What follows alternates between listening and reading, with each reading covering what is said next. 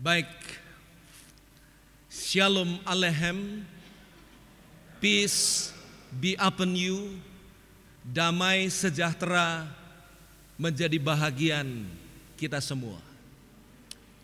Kita bersyukur dan memuji Tuhan oleh karena kasih dan berkatnya yang limpah kepada kita sehingga dimungkinkan bagi kita pada siang hari ini dapat berhimpun, berkumpul bersama untuk bersekutu di rumah Tuhan dan mendengarkan firman Tuhan. Saya merasa bahwa dapat mengerti perasaan Bapak Ibu sekalian yang sudah begitu lama untuk kumpul bersama-sama. Memang orang Indonesia ini sangat sulit dipisahkan dengan sosialita. Jadi di mana pun kita kalau sudah lama tidak bertemu pasti kita rindu untuk bertatap muka dan bertemu. Itu sebabnya walaupun dibuat di Zoom rasanya itu tidak mantap. Tapi puji Tuhan Eh, gembala jemaat bersama dengan tua-tua jemaat boleh mengatur sehingga pertemuan ini saya dengar adalah yang pertama berkumpul bersama dalam ibadah rumah tangga. Dan pada hari ini ada dua keluarga yang saya dengar juga eh, bersuka cita oleh sebab Tuhan telah memberkati perjalanan rumah tangga mereka sampai hari ini setia satu sama lain, sayang menyayangi satu sama lain, dan keluarganya utuh. Yaitu keluarga pendeta Yusak Subagianto dan juga saya dengar tanggal 2 April kemarin adalah keluarga suami istri Bapak dan Ibu Maksidien. Benar ya? Semoga mudah-mudahan tidak salah. Jadi kita sama-sama bersuka cita untuk uh, menikmati sukacita yang dialami oleh kedua keluarga ini sekaligus mengingatkan kita mengenai kehidupan rumah tangga kita masing-masing. Baik Bapak Ibu Saudara sekalian, saya membaca statistik yang ada di dunia sekarang ini. Ada satu statistik yang menyebutkan bahwa di dalam setiap 36 detik dunia ini ada satu pasang suami istri yang bercerai. Setiap 36 detik. Jadi hitung saja sekarang. Satu, dua, tiga, sampai 36 detik di dunia ini ada satu pasang suami istri yang bercerai. Lalu saya mencoba untuk melihat statistik dari Kementerian Agama di tahun 2020. Ya, di masa pandemik khususnya dari tahun 2020 sejak bulan Maret sampai Agustus penelitian ini dibuat. Agustus 2020 sejak masa pandemik COVID-19 itu bulan 3 ya kalau tidak salah ya.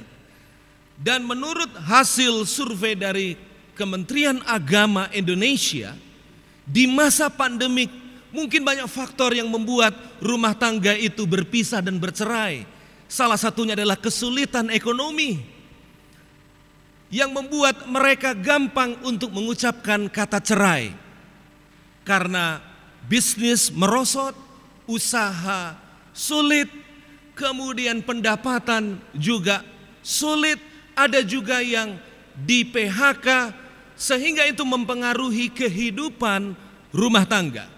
Hasil survei Kemenak pada Agustus 2020 di Indonesia sejak terjadinya pandemi COVID-19 terjadi 306.688 kasus perceraian. Luar biasa. Dan ini menandakan bahwa sekarang ini jarak antara altar pemberkatan kepada sidang perceraian sudah semakin pendek. Dan ini bisa terjadi di kalangan umat Tuhan. Tapi mudah-mudahan di kalangan umat Tuhan masa Advent hari ketujuh di Ngemingan tidak ada. Saya berharap kita sebagai umat Tuhan, sebagai rumah tangga Kristen, kita memahami hal tersebut. Kemudian dalam survei tersebut juga dikatakan Bapak Ibu Saudara sekalian, ada orang yang merasa bercerai itu biasa. Lalu mengharapkan pernikahan kedua akan lebih baik. Dia mengatakan siapa tahu nih suami saya yang pertama tidak tanggung jawab. Berharap kalau dapat suami baru lebih bertanggung jawab. Lalu ada juga suami yang berharap di pernikahan kedua lebih baik. Dia mengatakan, saya tidak cocok dengan istri saya yang pertama.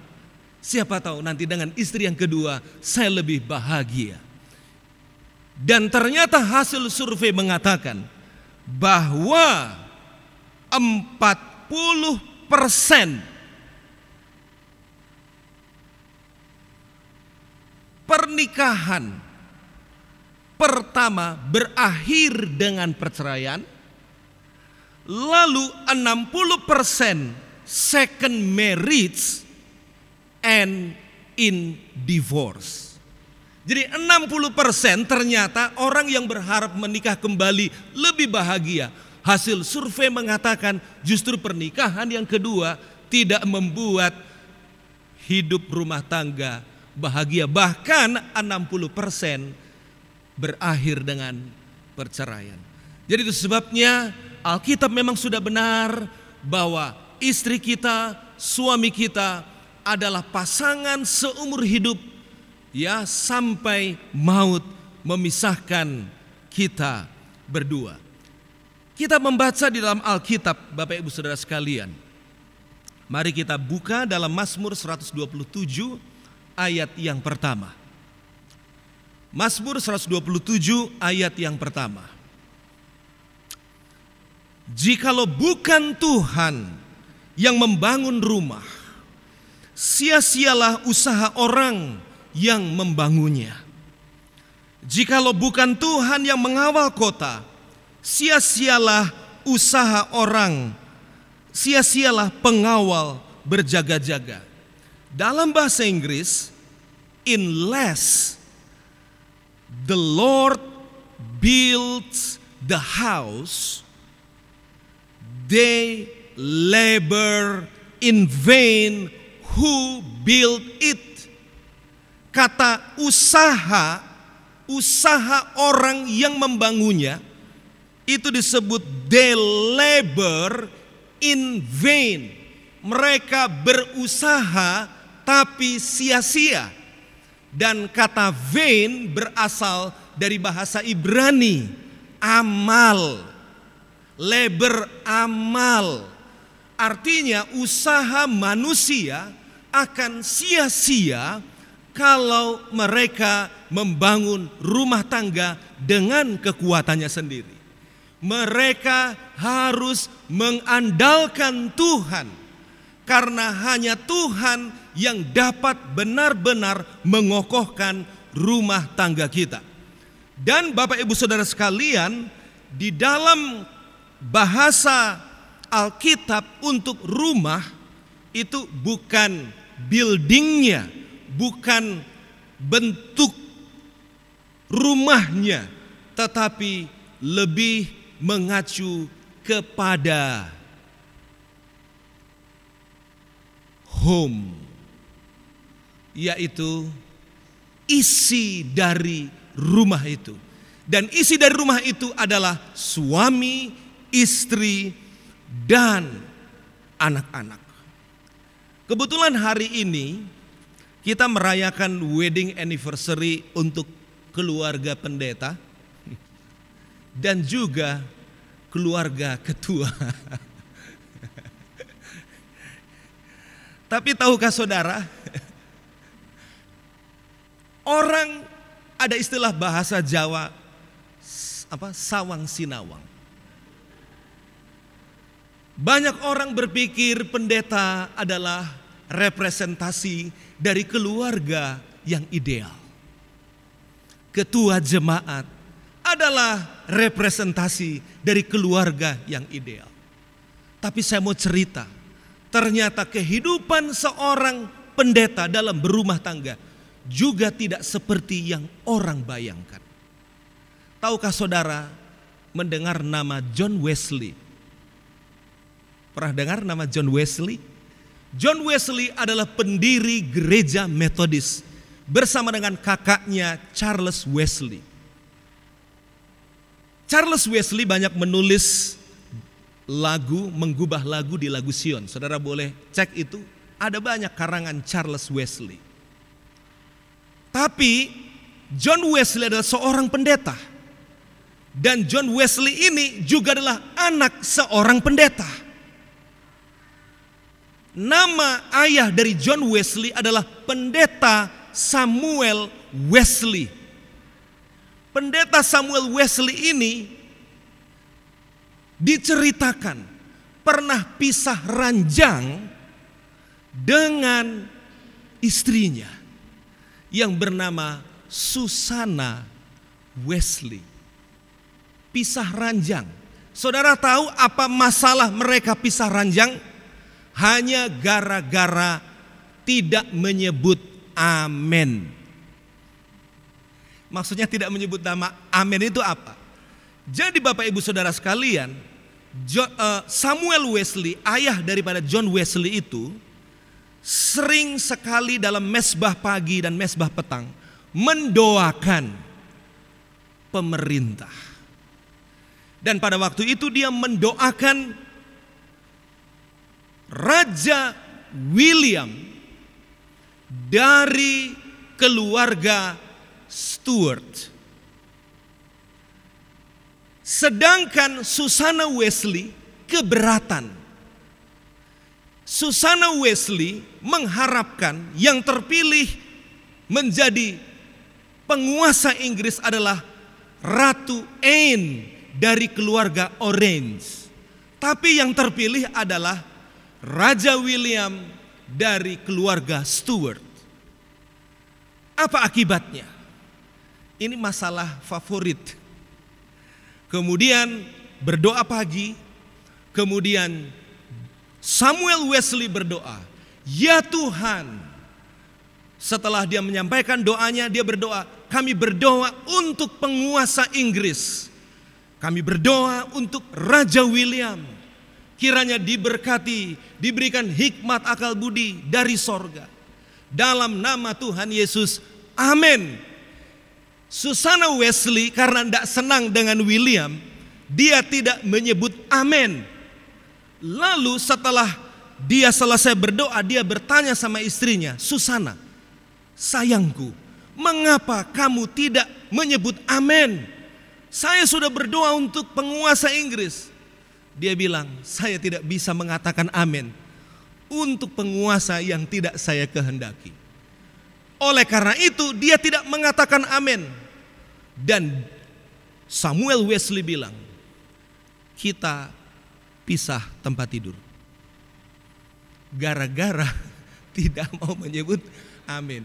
Mudah-mudahan lah ya Pak Pendeta sama Ibu jangan ribut masalah amin. lalu tidak tidur bareng. Dan ini menimbulkan penderitaan bagi Susana. Seorang wanita itu dia akan merasa nyaman tidur dengan suaminya. Tapi kali ini mereka harus tidak satu ranjang. Dan kejadian seperti ini sudah berulang-ulang terjadi. Tapi yang menarik Bapak Ibu, walaupun mereka itu sering ribut dan pisah ranjang, tapi anak mereka 19. Anak mereka 19, 9 mati dan yang sisa 10 termasuk John Wesley. John Wesley mendapat pendidikan khusus setiap kemis. Setiap hari Kamis John Wesley itu dididik oleh Susana untuk keagamaan. Dan luar biasa peran ibu ini sehingga John Wesley menjadi tokoh rohani yang luar biasa. Karena setiap hari kemis dikasih kursus. Jadi ini penting bagi seorang ibu. Dan Bapak Ibu Saudara sekalian, rupanya tidak tidur bareng ini membuat seorang wanita menderita. Dia pun berdoa kepada Tuhan. Tuhan, berapa lama saya tidak tidur bersama dengan suami saya? Dan Tuhan menjawab, tidak bagus loh. Alkitab mengatakan suami istri satu daging. Harus tidur bareng. Dan Tuhan menjawab penderitaan hati Susana. Oleh karena tidak lama kemudian Raja William mati. Dan yang menggantikan adalah Ratu Anne dari keluarga Orange. Akibatnya mereka bisa satu tempat tidur lagi. Untung hal itu Tuhan uh, bekerja mendatangkan kebaikan bagi keluarga hamba Tuhan ini. Begitupun rupanya kehidupan rumah tangga mereka memiliki pengaruh dalam keluarga John Wesley. Tapi saya tidak akan cerita lebih banyak walaupun keluarga John Wesley juga mengalami kepahitan dalam rumah tangga.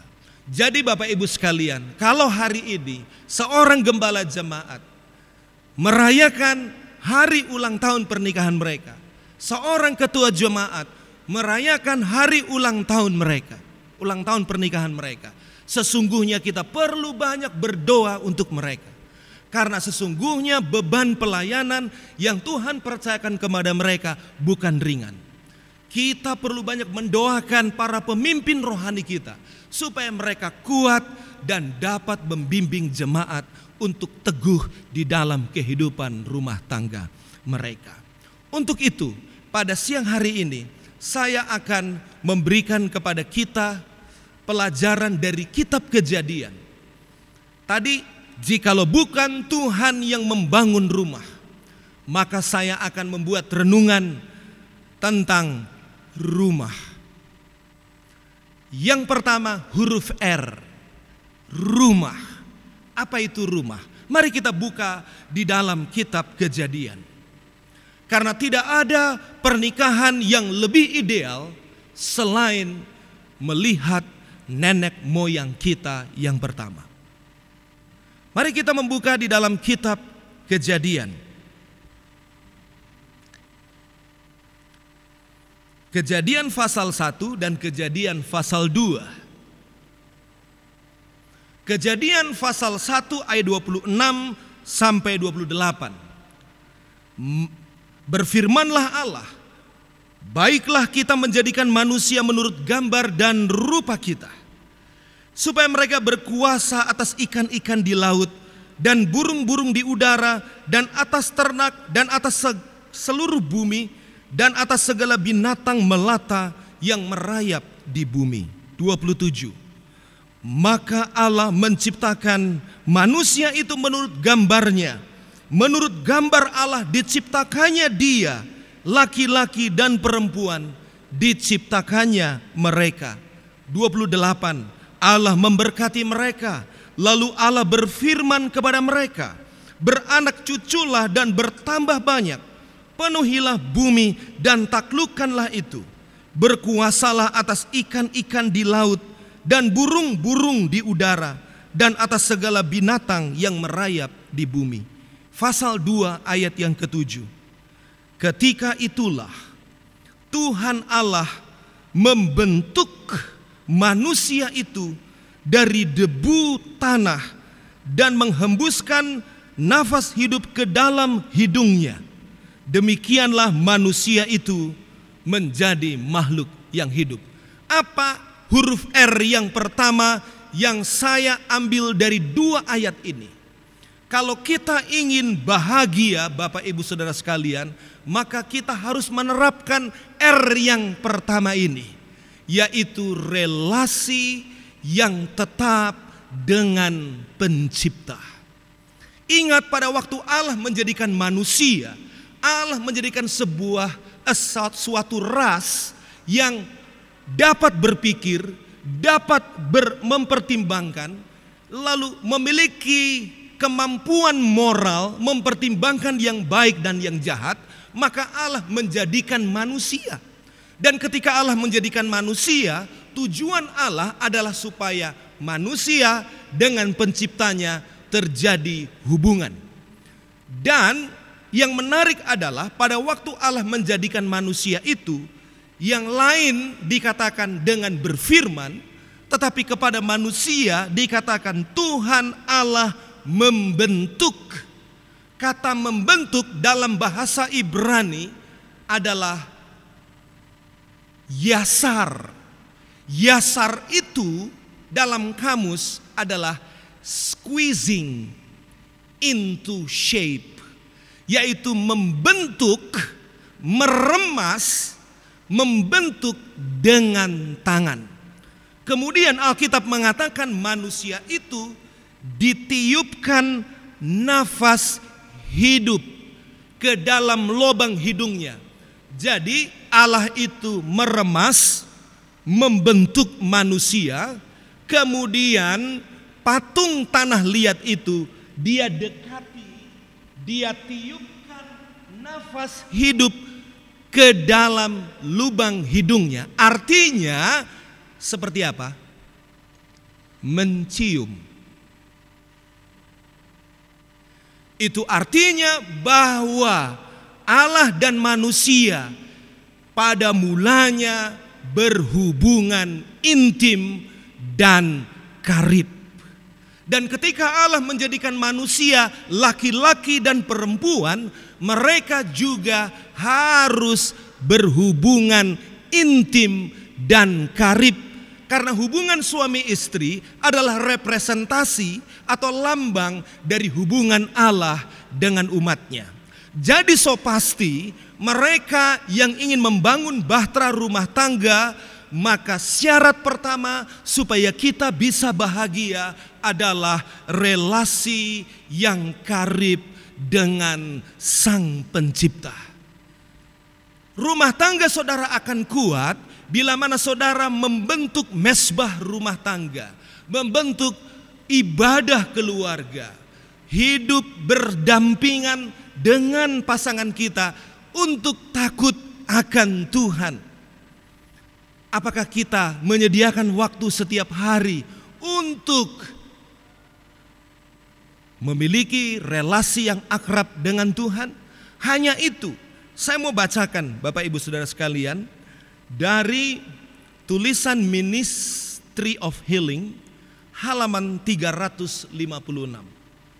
Demikian kutipan tersebut. The family tie is the closest, the most tender and sacred of any on earth. Ikatan keluarga adalah ikatan yang terdekat, the most tender and sacred, yang paling kudus dari segala ikatan apa pun yang ada di dunia ini. Jadi kalau orang sudah tidak kerasan di rumah lagi, perlu dipertanyakan. Karena Alkitab mengatakan tidak ada tali hubungan yang paling dekat dan yang paling lembut dan yang paling suci selain apa? Rumah tangga. Dikatakan selanjutnya it was designed to be a blessing to mankind.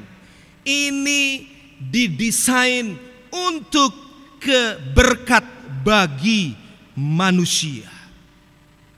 Jadi saudara-saudara, kalau kita ingin mengalami kebahagiaan dalam rumah tangga, maka yang pertama kita harus memiliki relasi yang karib dengan Sang Pencipta. Kalau saudara membaca juga dalam Ayub 33 ayat yang keempat, Roh Allah yang menghidupkan aku Kemudian Ayub juga mengatakan bahwa nafas yang maha kuasa memberikan aku hidup. Jadi dengan kata lain, tidak mungkin rumah tangga bisa hidup tanpa kuasa roh Tuhan, tanpa nafas dari Allah, tanpa hubungan yang akrab dengan Tuhan. Sekali lagi saya pastikan rumah tangga yang tidak memiliki hubungan yang akrab dengan Tuhan akan mengalami masalah. Dan yang lebih parah adalah ketika berakhir dengan perceraian. Semoga keluarga pendeta Yusak dan juga keluarga Bapak Maksi akan mengutamakan R yang pertama. Relasi yang akrab dan karib dengan Sang Pencipta. Kemudian yang kedua, huruf U. U adalah udara sorgawi suasana Eden. Kalau saudara membaca di dalam kitab kejadian pasal yang kedua ayat 8 sampai 14 maka Bapak Ibu Saudara akan mendapati di sana bahwa manusia ditempatkan Tuhan di Taman Eden.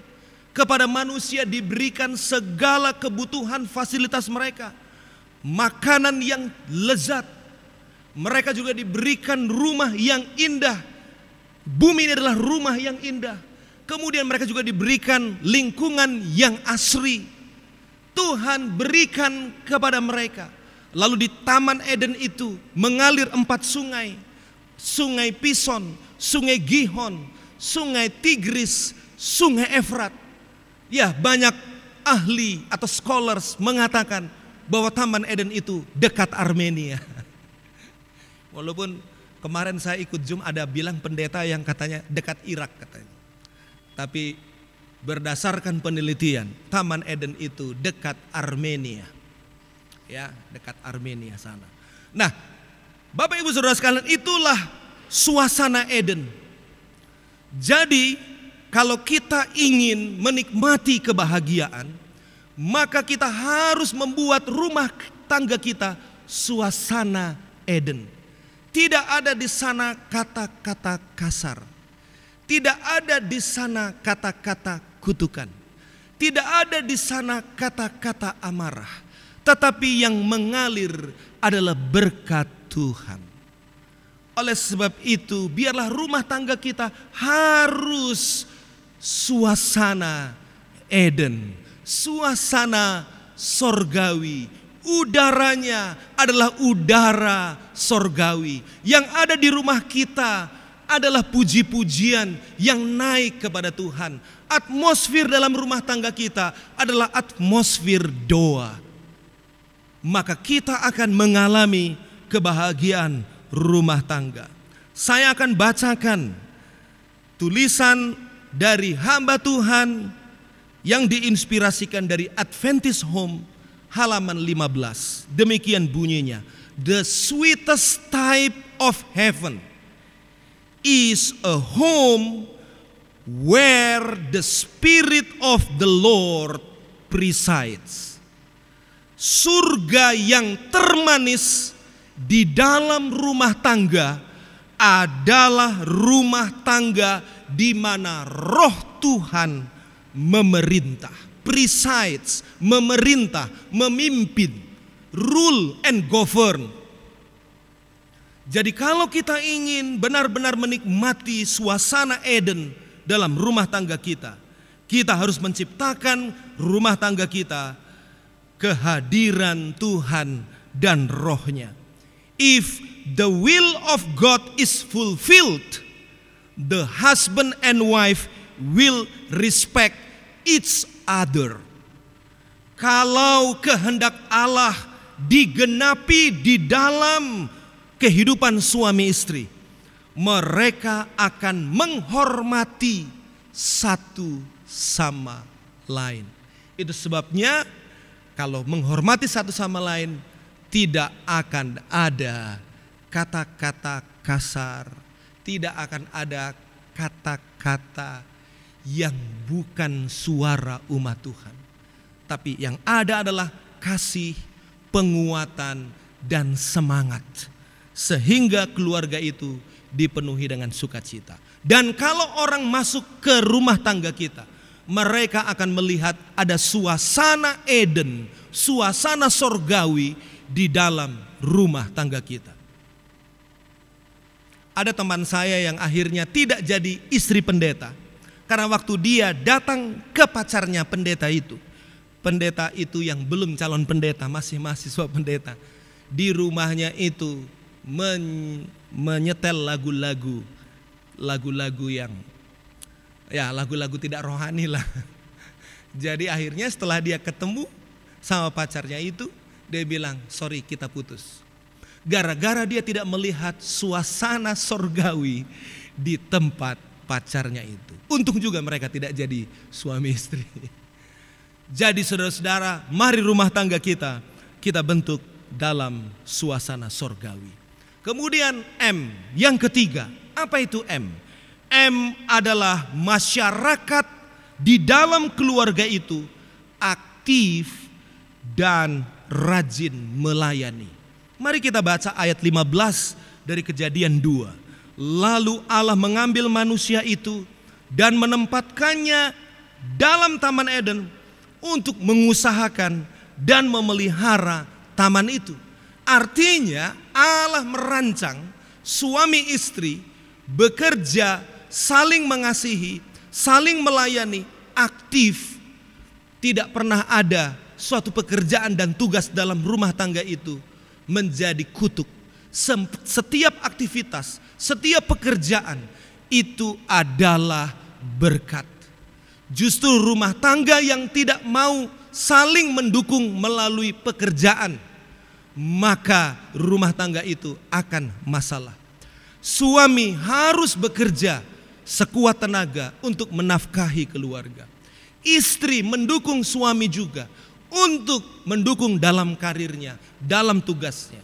Saya pernah melihat satu keluarga yang di rumah tangganya itu ada tempelan ya.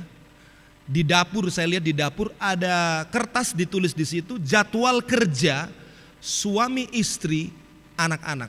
Hari Minggu ini jadwalnya nyapu siapa, cuci piring siapa, bersihkan kamar mandi siapa. Itu ada dari Minggu sampai Sabtu. Ada tugasnya. Ya, Sabtu lebih ringan karena bukan uh, tugas yang berat untuk hari Sabat, tapi ada tugas-tugasnya. Jadi sebuah rumah tangga yang ingin berbahagia, maka masyarakat di dalamnya harus aktif dan rajin melayani dan bekerja.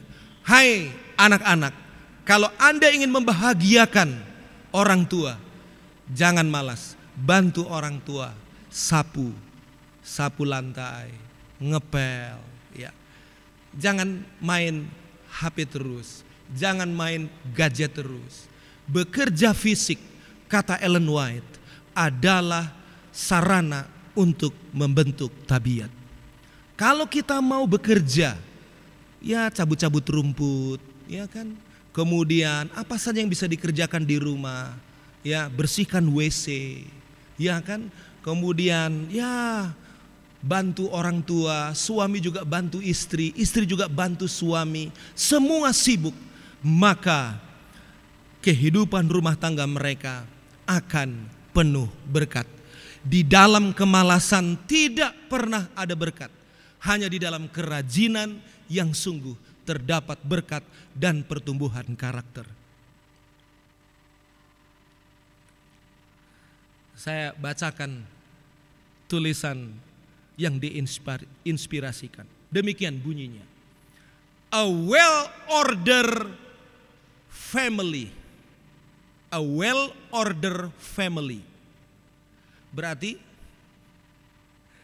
rumah tangga yang teratur baik, a well disciplined family, keluarga yang berdisiplin baik in the sight of God is more precious than fine gold.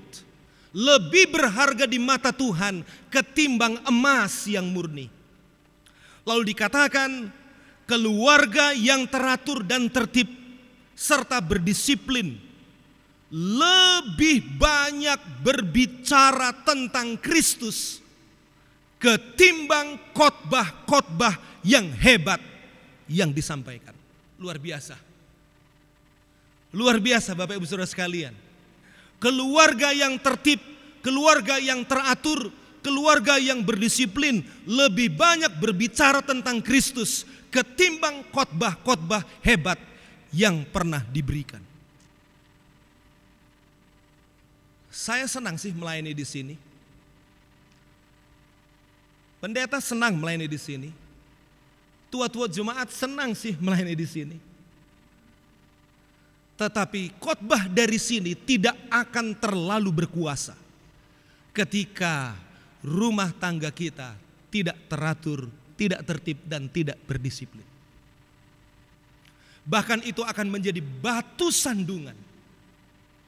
Tapi bila mana keluarga kita dapat diatur dan dikelola dengan baik, suami istri mendukung dan saling mengasihi, teratur tertib Ibu White katakan suami adalah imam dan pembuat peraturan dalam keluarga. Jadi kalau ada di keluarga itu tidak tertib yang salah suaminya. Karena dia adalah pembuat peraturan di rumah. Dan seandainya hal itu bisa diterapkan dengan baik, kerjasama yang baik. A well order family, a well disciplined family in the sight of the Lord it is more precious than fine gold.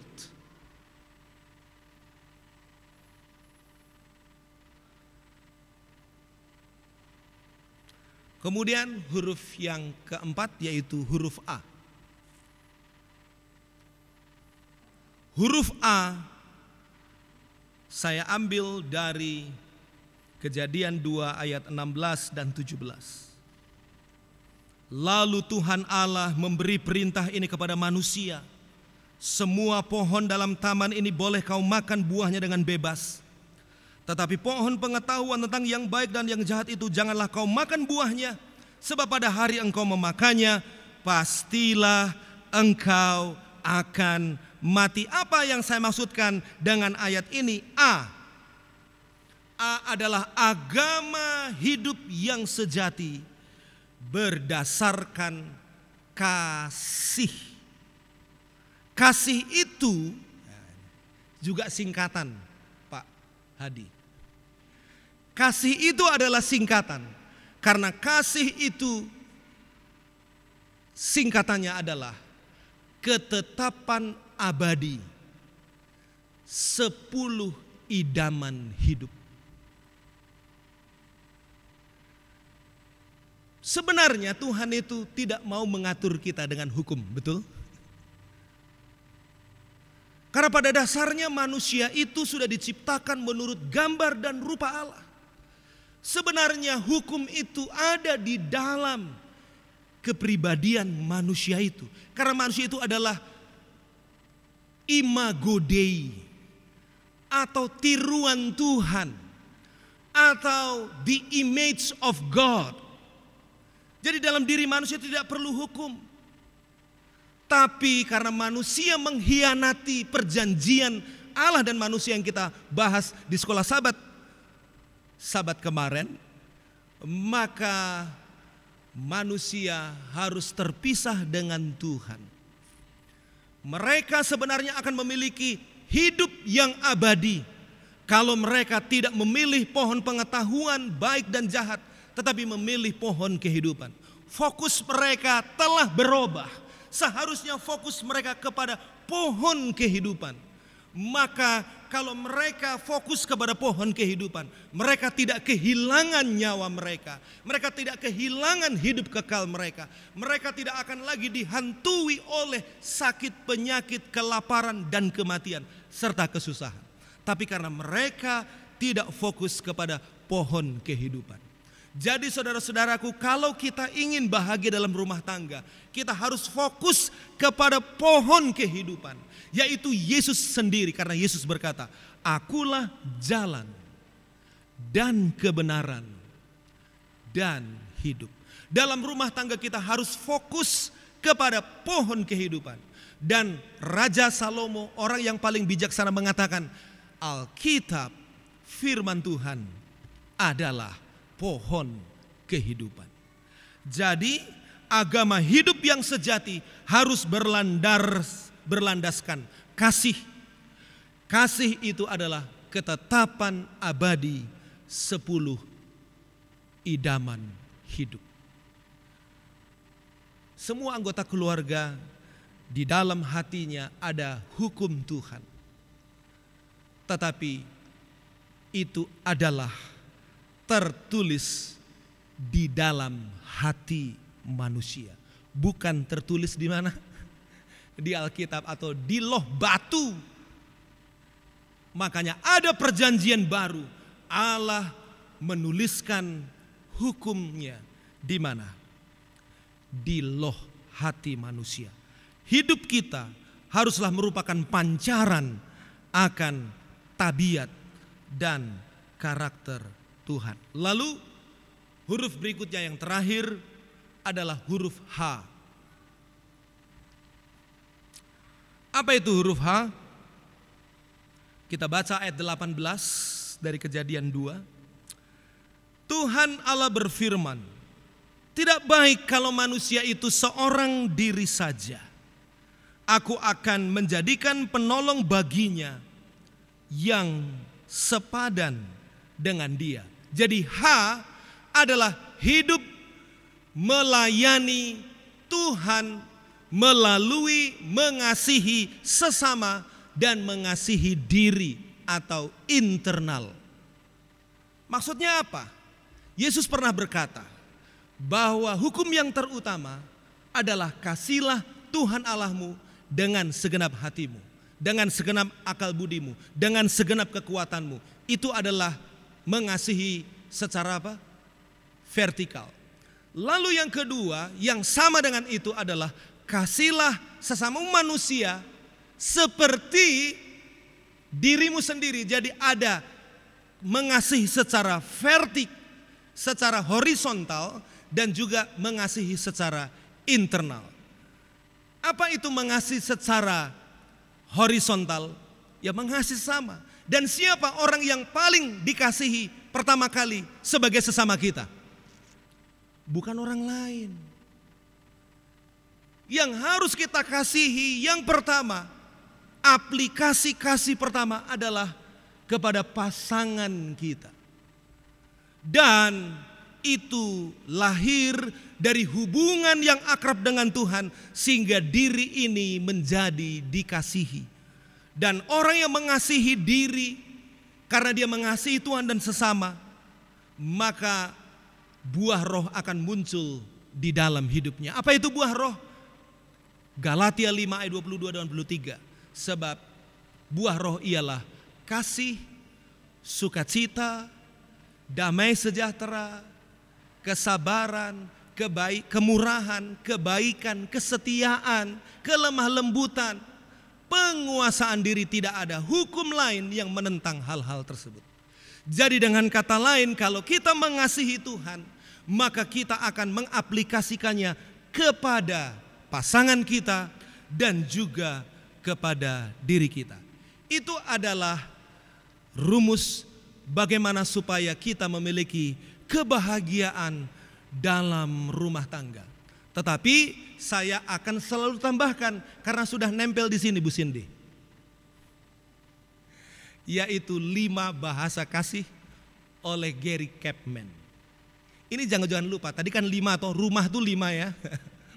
Maka ini juga lima bahasa kasih ini harus diingat. Saudara beruntung sebagai orang Kristen sudah diberkati oleh Tuhan dalam pernikahan. Karena kita jelas dinikahkan untuk seumur hidup. Tapi bagaimana menghadapi pergumulan dalam rumah tangga? Saya rasa tidak ada di tempat ini rumah tangga yang tidak mengalami pergumulan. Tetapi lima ini harus diingat. Ini saya sudah baca berulang-ulang jadi nempel. Yang pertama apa? Masih ingat? Jangan ya Pak Sutrisno Bu Cindy. Yang pertama adalah words of affirmation. Kata-kata penguatan. Kalau saudara ingin memiliki hubungan yang berbahagia dengan pasangan saudara, yang pertama yang keluar dari lidah kita, bibir kita adalah words of affirmation. Kata-kata yang menguatkan. Jangan dibilanglah kurang baguslah, pucatlah, ya kan. Harus memberikan kata-kata penguatan, "Papa, hari ini kamu kelihatan tampan sekali." Istriku, walaupun kamu bangun tidur belum bedakan, tapi cantik sekali. Ini kita lakukan waktu pacaran karena khawatir tidak goal. Tapi setelah kita menikah, luntur ini words of affirmation. Jadi supaya pernikahan kita langgeng, maka yang perlu adalah words of affirmation. Kata-kata penguatan dan gratis. Ada seorang istri mengeluh sama saya, Pak Pendeta, suami saya ini tidak romantis. Dia seperti pelit untuk mengucapkan kata-kata pujian. Lalu saya bilang sama suaminya, iya pak, saya ini soalnya orangnya pendiam. Saya ini introvert. Iya, tapi kalau kamu ingin mendapatkan kebahagiaan dalam rumah tangga, itu harus diupayakan. Karena kebahagiaan rumah tangga itu bukan seperti mutiara yang diberikan lalu kita terima. Tapi itu adalah sesuatu yang dikerjakan bersama-sama dengan pasangan kita. Kebahagiaan itu bukan give, tapi adalah kemauan untuk mengusahakannya dengan pertolongan Tuhan. Jadi words of affirmation. Yang kedua,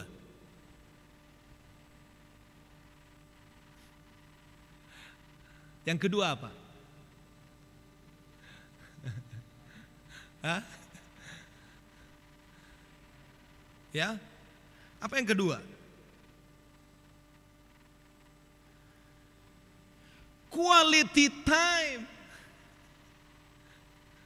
Waktu yang berkualitas. Kalau hubungan kita ingin bertumbuh, maka kita harus menyediakan waktu pacaran. Pak Maksi ya. perlu waktu pacaran. Kita perlu tinggalkan dulu anak-anak. Lalu kita hanya perlu berdua. Lalu di situ kita akan bercengkrama, memadu kasih dengan pasangan kita. Kita sudah merasa sudah menikah dengan pasangan kita, jadi kita tidak perlu quality time. Tapi kalau kita mau bertumbuh, kita perlu quality time. Kita perlu waktu bersama-sama. Dan banyak uh, or, banyak pendeta mengatakan bahwa hari Sabat dan itulah Alkitabiah juga, hari Sabat disediakan bagi umat manusia supaya pasangan suami istri punya quality time.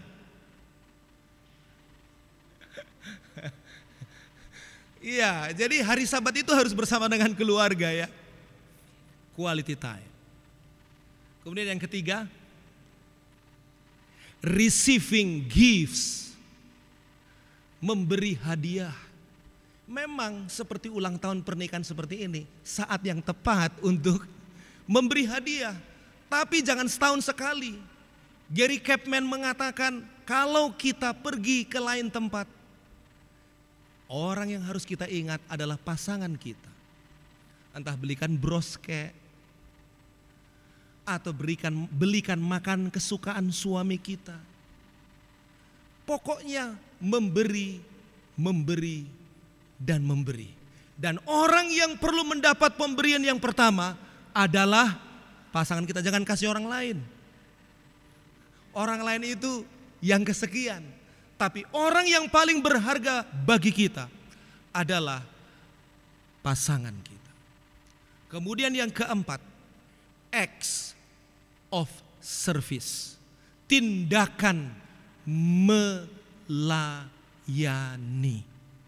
Saya mau kasih uh, sebuah cerita penelitian yang mengatakan bahwa si pembuat penelitian ini menguji secara empiris apakah firman Tuhan dalam kisah 20 ayat 35 benar-benar masuk akal. Apa itu kisah 20 ayat 35? It is more blessed to give than to receive. Lebih berbahagia memberi daripada menerima. Ini dites oleh seorang ahli psikologi, profesor psikologi dari Universitas Rochester, New York. Dia mengadakan penelitian terhadap 175 pasangan suami istri. Di sini ada pasangan suami istri, Pendeta Eko, ya. kemudian ada Pak Hadi Busindi, Pak Pendeta, ya pokoknya adalah pasangan suami istri, Pak Arwin, 175 pasang suami istri Pak Aris. Lalu diteliti selama 14 hari untuk diteliti, diteliti perasaannya dan diukur dengan ukuran si peneliti ini untuk melihat apakah tindakan memberi lebih membahagiakan ketimbang tindakan menerima. Lalu diceritakan 175 pasang suami istri dihitung 14 hari. Kalau mereka melakukan tindakan melayani, dihitung, dicek perasaannya. Kalau mereka menerima pelayanan dari pasangannya, dicek perasaannya dan dihitung. Jadi di 14 hari itu rata-rata satu hari tindakan melayani itu 65 action. Lalu 52 tindakan menerima action. 65 52 action. Setelah 14 hari maka psikolog ini yang bernama Harry Case mengeluarkan hasil yang luar biasa. Yaitu dia menemukan bahwa mereka yang menerima pelayanan dari pasangannya, apakah itu suami atau istri, berbahagia. Skornya bagus. Tetapi ternyata yang melayani itu skornya lebih tinggi. Bagaimana mungkin itu terjadi? Ternyata dicek, Pak. Saya mau tanya, umumnya yang masak di rumah siapa? Umumnya, umumnya. Umumnya adalah ibu, betul ya? Istri ya. Sengaja diteliti untuk melakukan tindakan yang berlawanan oleh Harry Case ini. Jadi yang biasanya uh, masak adalah istri, sekarang yang masak suami. Bu Yuni senang kalau suami masak.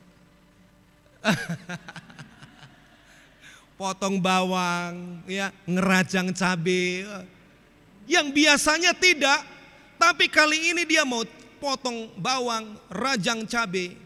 Kemudian sengaja oleh Harry Case dibuat istri melakukan pekerjaan suami.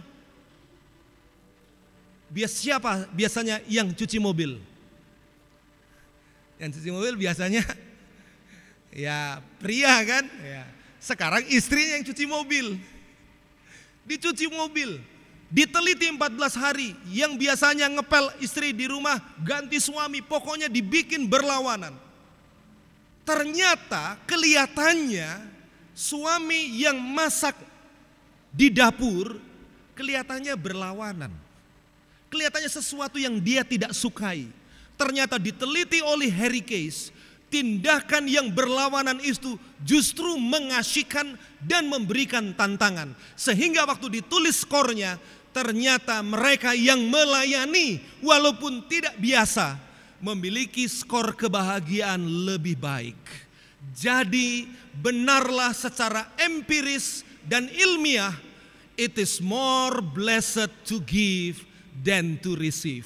Artinya bayangkan kalau suami berlomba-lomba melayani istrinya, istrinya berlomba-lomba melayani suaminya, maka keduanya akan memiliki super kebahagiaan. Bayangkan kalau anak-anak berlomba-lomba untuk melayani orang tua, maka anak-anak juga akan memiliki kebahagiaan yang tinggi. Itulah sebabnya acts of service sangat penting dalam bahasa kasih untuk mengawetkan kehidupan rumah tangga. Dan yang kelima yang terakhir tadi, yang terima yang terakhir adalah physical touching. Physical touching. Dulu waktu pacaran, Pak Pendeta sama Ibu, kalau diangkot nempel terus kayak perangko.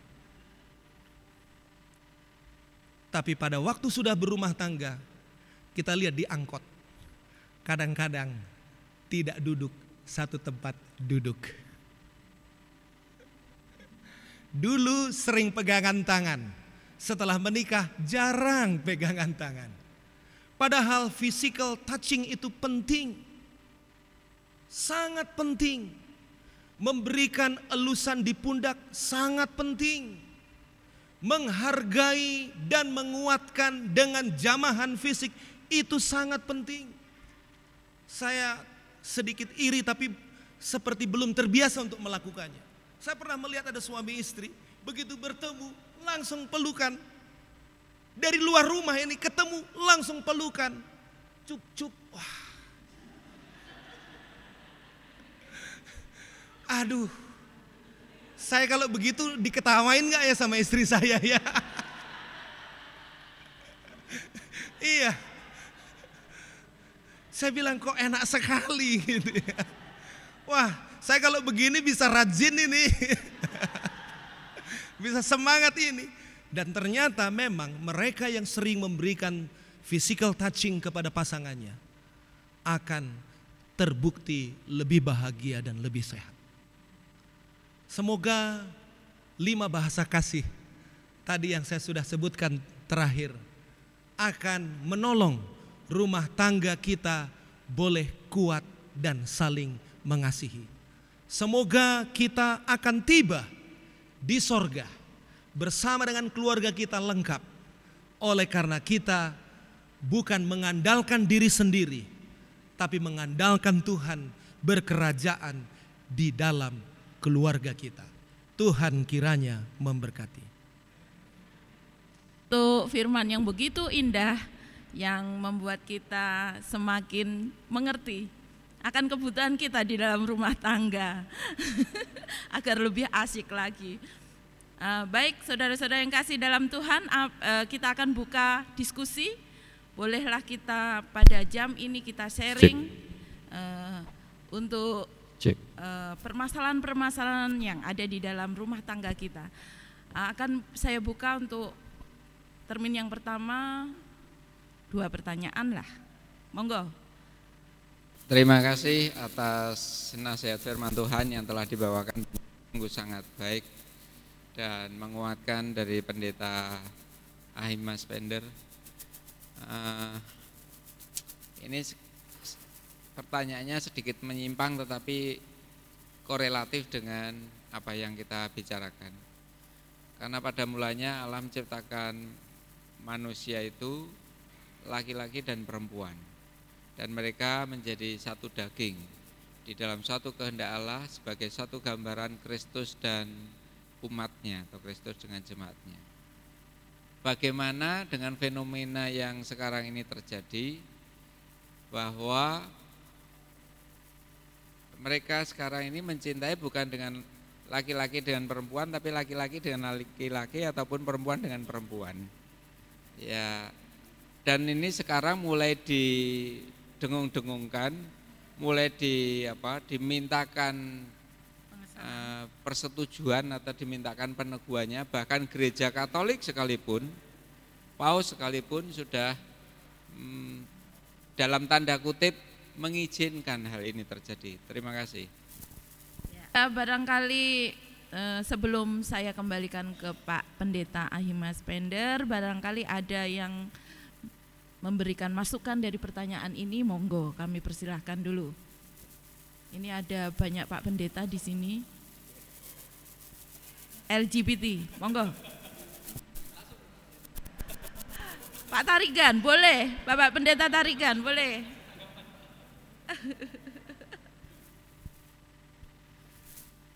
ada memang waktu itu pernyataan dari kepausan tapi kelihatannya di klarifikasi Pak. Ada klarifikasinya jadi uh, memang berbicara masalah LGBT sebenarnya LGBT itu LGBTQI jadi jadi itu sebenarnya tidak hanya sampai LGBT saja LGBTQI ada dua huruf lagi di belakangnya ya. jadi bagaimana eh, laki-laki uh, dengan laki-laki dan akhirnya ada beberapa negara yang uh, melegalkan begitu ya Pak Dia. Setelah saya mencoba pelajari memang ada sebagian berpendapat bahwa itu sudah terjadi waktu masih ada di dalam kandungan. Jadi ada hormon yang memang uh, kelihatan bahwa ketika mereka lahir hormon akan uh, mengarah ke sana. Tapi sebenarnya setelah dijelaskan oleh seorang pakar itu tidak ada seperti itu sebenarnya. Jadi itu adalah pendapat-pendapat yang keliru. Jadi waktu masih ada di dalam kandungan dia jelas. Jadi kalau laki-laki laki-laki, kalau perempuan perempuan. Bisa akhirnya adalah itu sebenarnya karena adanya lingkungan, pengaruh di lingkungan. Jadi di rumah itu kan sekarang bukan hanya laki-laki dengan laki-laki, ada perempuan dengan perempuan Kemudian kenapa itu bisa terjadi? Laki-laki akhirnya bisa menjadi kewanita-wanitaan karena salah satu di rumah itu, di rumah tangga, mereka punya anak lima. Dari lima anak ini, satu laki-laki.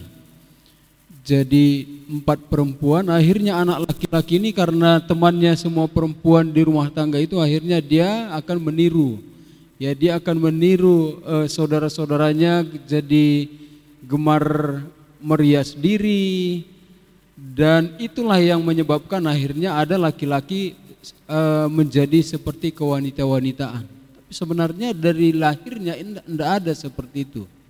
Ya walaupun ada orang yang mengatakan bahwa sudah dari lahirnya sudah ada uh, gennya seperti itu, enggak ada gen bahwa orang ini adalah sudah dari kandungan itu gay gitu ya. Maka dia akan dilahirkan menjadi seorang gay. Itu ndak ada. Ndak ada waktu di kandungan itu dia adalah gennya gay. Ndak ada.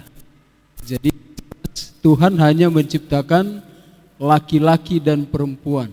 Di dalam kandungan pun seperti itu hanya laki-laki dan perempuan. Tapi kenapa akhirnya timbul itu tadi? Adalah beberapa yang kita lihat dari uh, ada masalah psikologi di sana juga karena boleh jadi di dalam rumah tangga itu juga ada kekerasan ya. Adanya kekerasan di, da di dalam rumah tangga kemudian ada pengalaman-pengalaman di dalam uh, keluarga. Akhirnya laki-laki tidak lagi tertarik kepada lawan jenisnya tetapi tertarik kepada sesama jenis.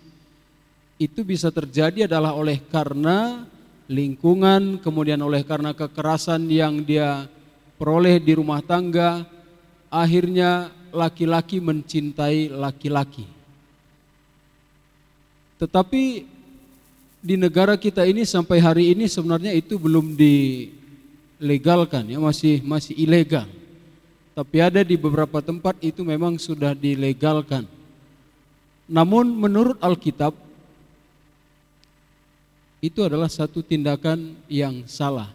Alkitab tetap menyatakan bahwa itu adalah salah karena Tuhan hanya menciptakan dua jenis manusia, laki-laki dan wanita.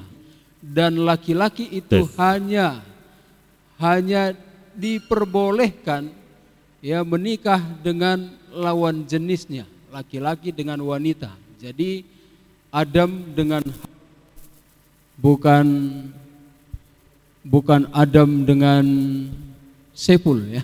Jadi Adam dengan Hawa. Jadi bagi kita orang Kristen yang menjadi dasar kita adalah tetap kepada Alkitab. Bahwa pasangan yang menikah itu hanya laki-laki dengan wanita. Kalau laki-laki dengan laki-laki itu sudah e, menyalahi perintah Tuhan. Jadi sampai kapan pun di gereja kita itu tidak akan pernah dilegalkan. Hanya yang menjadi pertanyaannya bagaimana Pak Pendeta kalau ada yang seperti itu laki-laki dengan laki-laki atau gay datang di gereja kita apakah dia harus diusir?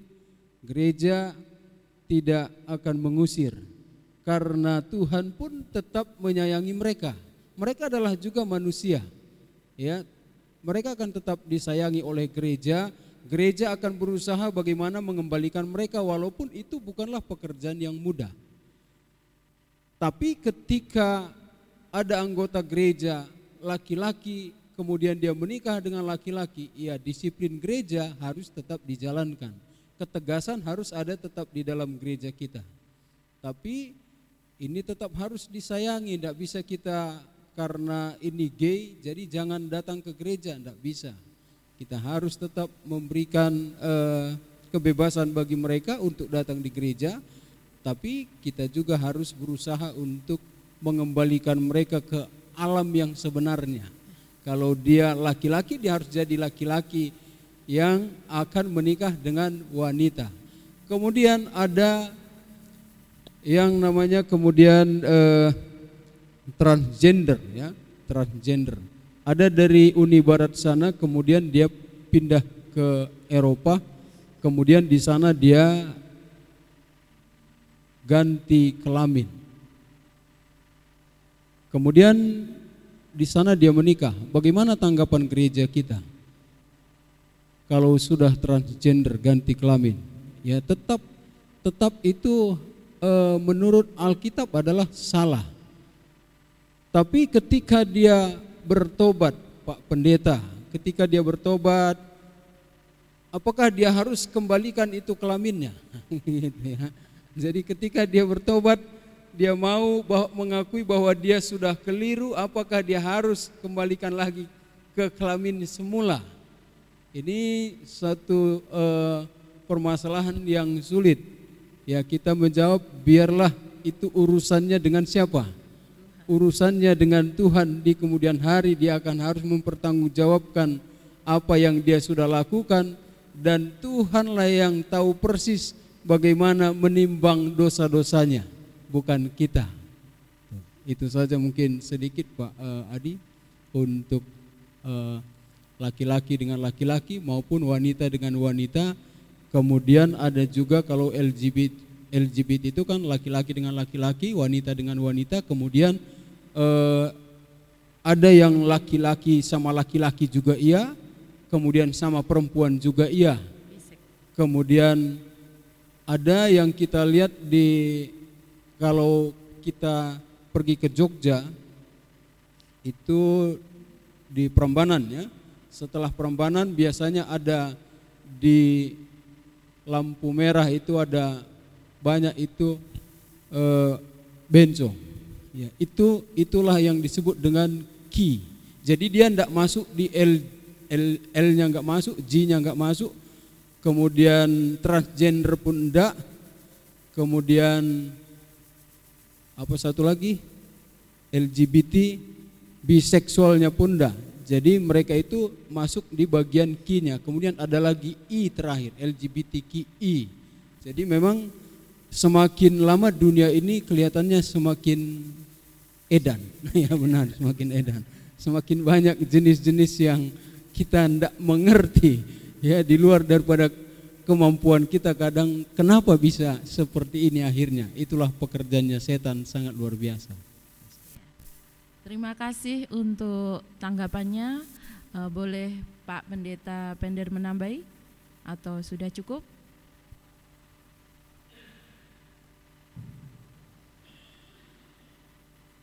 Ya, saya pikir apa yang sudah disampaikan oleh Pendeta Tarigan oke, tetapi uh, dari segi Alkitab seperti yang Pendeta Tarigan tadi katakan, kalau saya membaca di dalam Alkitab dari semua jemaat yang digembalakan oleh Paulus, ada satu jemaat yang banyak persoalan, yaitu jemaat Korintus.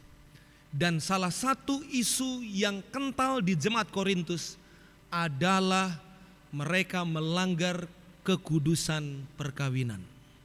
Salah satunya mereka juga melakukan incest. Mereka juga melakukan uh, perzinahan. Kemudian di sana juga ada pemburit. Di sana juga ada banci. Dan kalau saudara membaca di dalam Alkitab di 1 Korintus pasal 6, sering kali kita mengutip ayat 19 dan 20 dan menerapkannya kepada kesehatan. Tidak tahukah kamu bahwa tubuhmu adalah bait Roh Kudus dan Roh Allah diam di dalam kamu. Karena itu muliakanlah Allah dengan tubuhmu dan kau telah lunas dibayar. Tapi kalau kita baca itu di 1 Korintus pasal 6, kita baca ayat yang ke-9 ya.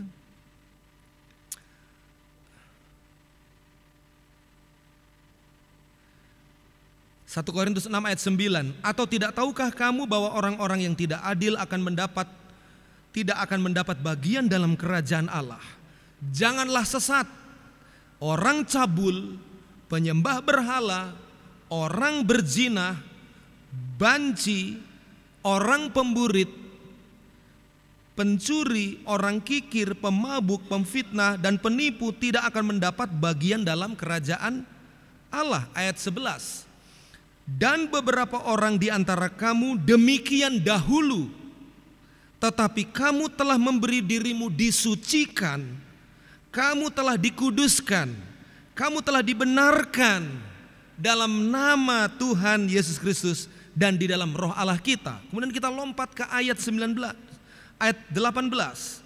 Jauhkanlah dirimu dari percabulan. Setiap dosa yang dilakukan manusia terjadi di luar dirinya tetapi orang yang melakukan percabulan berdosa terhadap dirinya sendiri. Ayat 19. Atau tidak tahukah kamu bahwa tubuhmu adalah bait roh kudus yang diam di dalam kamu. Roh kudus yang kamu peroleh dari Allah. Dan bahwa kamu bukan milik kamu sendiri. Sebab kamu telah dibeli dan harganya telah lunas dibayar. Karena itu muliakanlah Allahmu dengan tubuhmu. Jadi dengan kata lain bahwa isu percabulan itu sangat hebat terjadi di sidang Korintus. Dan Paulus datang untuk menolong jemaat ini supaya jemaat ini menjaga kekudusan pernikahan. Karena tadi pernikahan adalah lambang hubungan antara Allah dan manusia. Dan sejak kitab Kejadian kita sudah tahu bahwa yang diizinkan atau halal dalam pernikahan itu adalah monogami heteroseksual, bukan monogami homoseksual, tapi heteroseksual. Itu jelas di dalam Alkitab. Nah, tadi memang pendeta Tarigan katakan, ya kalau orang itu memang mau bertobat dengan bimbingan, ya mungkin bantuan rohaniwan, juga bantuan dengan yang ahli di bidang itu, misalkan seorang ahli psikolog, kemudian uh, apa namanya ya apa psikiater ya kita bisa minta bantuan mereka yang membidangi hal itu dengan tujuan supaya kalau ada anggota jemaat kita yang rindu masuk ke dalam kebenaran tapi punya persoalan itu gereja selalu terbuka Pak gereja ini bukan tempatnya orang suci gereja ini adalah tempatnya bengkel tidak ada orang di sini yang yang suci. Semua di sini perlu diperbaiki. Ya. Dan tadi ayat-ayat tadi yang sudah kita baca bahwa jangan lupa siapa pun yang merasa dirinya sudah begitu bernoda karena melakukan hal-hal yang tidak berkenan tadi dikatakan hendaklah kamu memberi dirimu disucikan dikuduskan sebab kamu telah dibenarkan dalam Tuhan Yesus. Jadi sebenarnya kita harus dorong mereka yang terbabit dalam pelanggaran ini bahwa Tuhan Yesus telah mati ganti dia. Dia bisa menjadi benar kalau oleh iman menyambut keselamatan dari Tuhan. Dan dia akan dimampukan untuk menghindari dosa itu karena di dalam dirinya telah ada karakter Tuhan. Mungkin itu yang dapat saya tambahkan dari penjelasan Pak Tarigan. Terima kasih. Bagaimana Pak Hadi Sutresno? Cukup memuaskan ya Pak. Barangkali ada pertanyaan lagi? Ya, ya. Pak Pendeta Tarigan. Boleh sedikit lagi. Jadi di sinilah pentingnya peran kita sebagai orang tua. Jadi apakah anak itu nanti ada kecenderungannya jadi LGBT itu bagaimana peranan orang tua dari umur anak itu 0 sampai 12 tahun. Jadi di situ sangat penting peranan orang tua supaya orang tua benar-benar mengarahkan supaya jangan sampai akhirnya karena setelah dia berumur 12 tahun maka identitas anak itu sudah terbentuk jadi kalau kita mau perbaiki itu sudah agak sulit. Tapi kalau dari umur 0 sampai 12 tahun itu benar-benar diarahkan, maka dia akan e, menjadi kalau dia laki-laki dia akan jadi laki-laki yang benar-benar laki-laki. Kalau dia wanita dia akan menjadi benar-benar wanita. Kalau sudah diarahkan dengan benar dari umur 0 sampai 12 tahun. Tapi kalau dari 0 sampai 12 tahun itu orang tua gagal, maka itu ada kemungkinannya nanti dia akan menjadi salah satu dari keempat penyakit ini. Ini sebenarnya LGBTQI sebenarnya semuanya ini adalah uh, penyimpangan. Ya, semua ini penyimpangan. Yang mana pun ini semuanya penyimpangan. Uh, ayat yang sudah dibacakan oleh pendeta Pender tadi. Jadi uh, Alkitab jelas bahwa kalau terjadi penyimpangan maka tidak ada tempatnya di dalam kerajaan surga. Terima kasih, Bu. Baik, terima kasih sudah cukup jelas barangkali. Ada pertanyaan lagi? Uh, satu hal Pak Pendeta Pender saya mau tanya. Tadi saya untuk sentuhan fisik tadi ya. Saya uh, juga barangkali ini untuk yang pernikahan sudah di atas 10 tahun, 15 tahun, kemungkinan uh, untuk sentuhan fisik itu sudah ah apalah gitu. Nah, gimana bagaimana kita untuk uh, membuat itu satu kebiasaan agar rumah tangga kita tetap harmonis, tetap baik. Bagaimana Pak Pendeta? Kami persilahkan itu pertanyaan saya.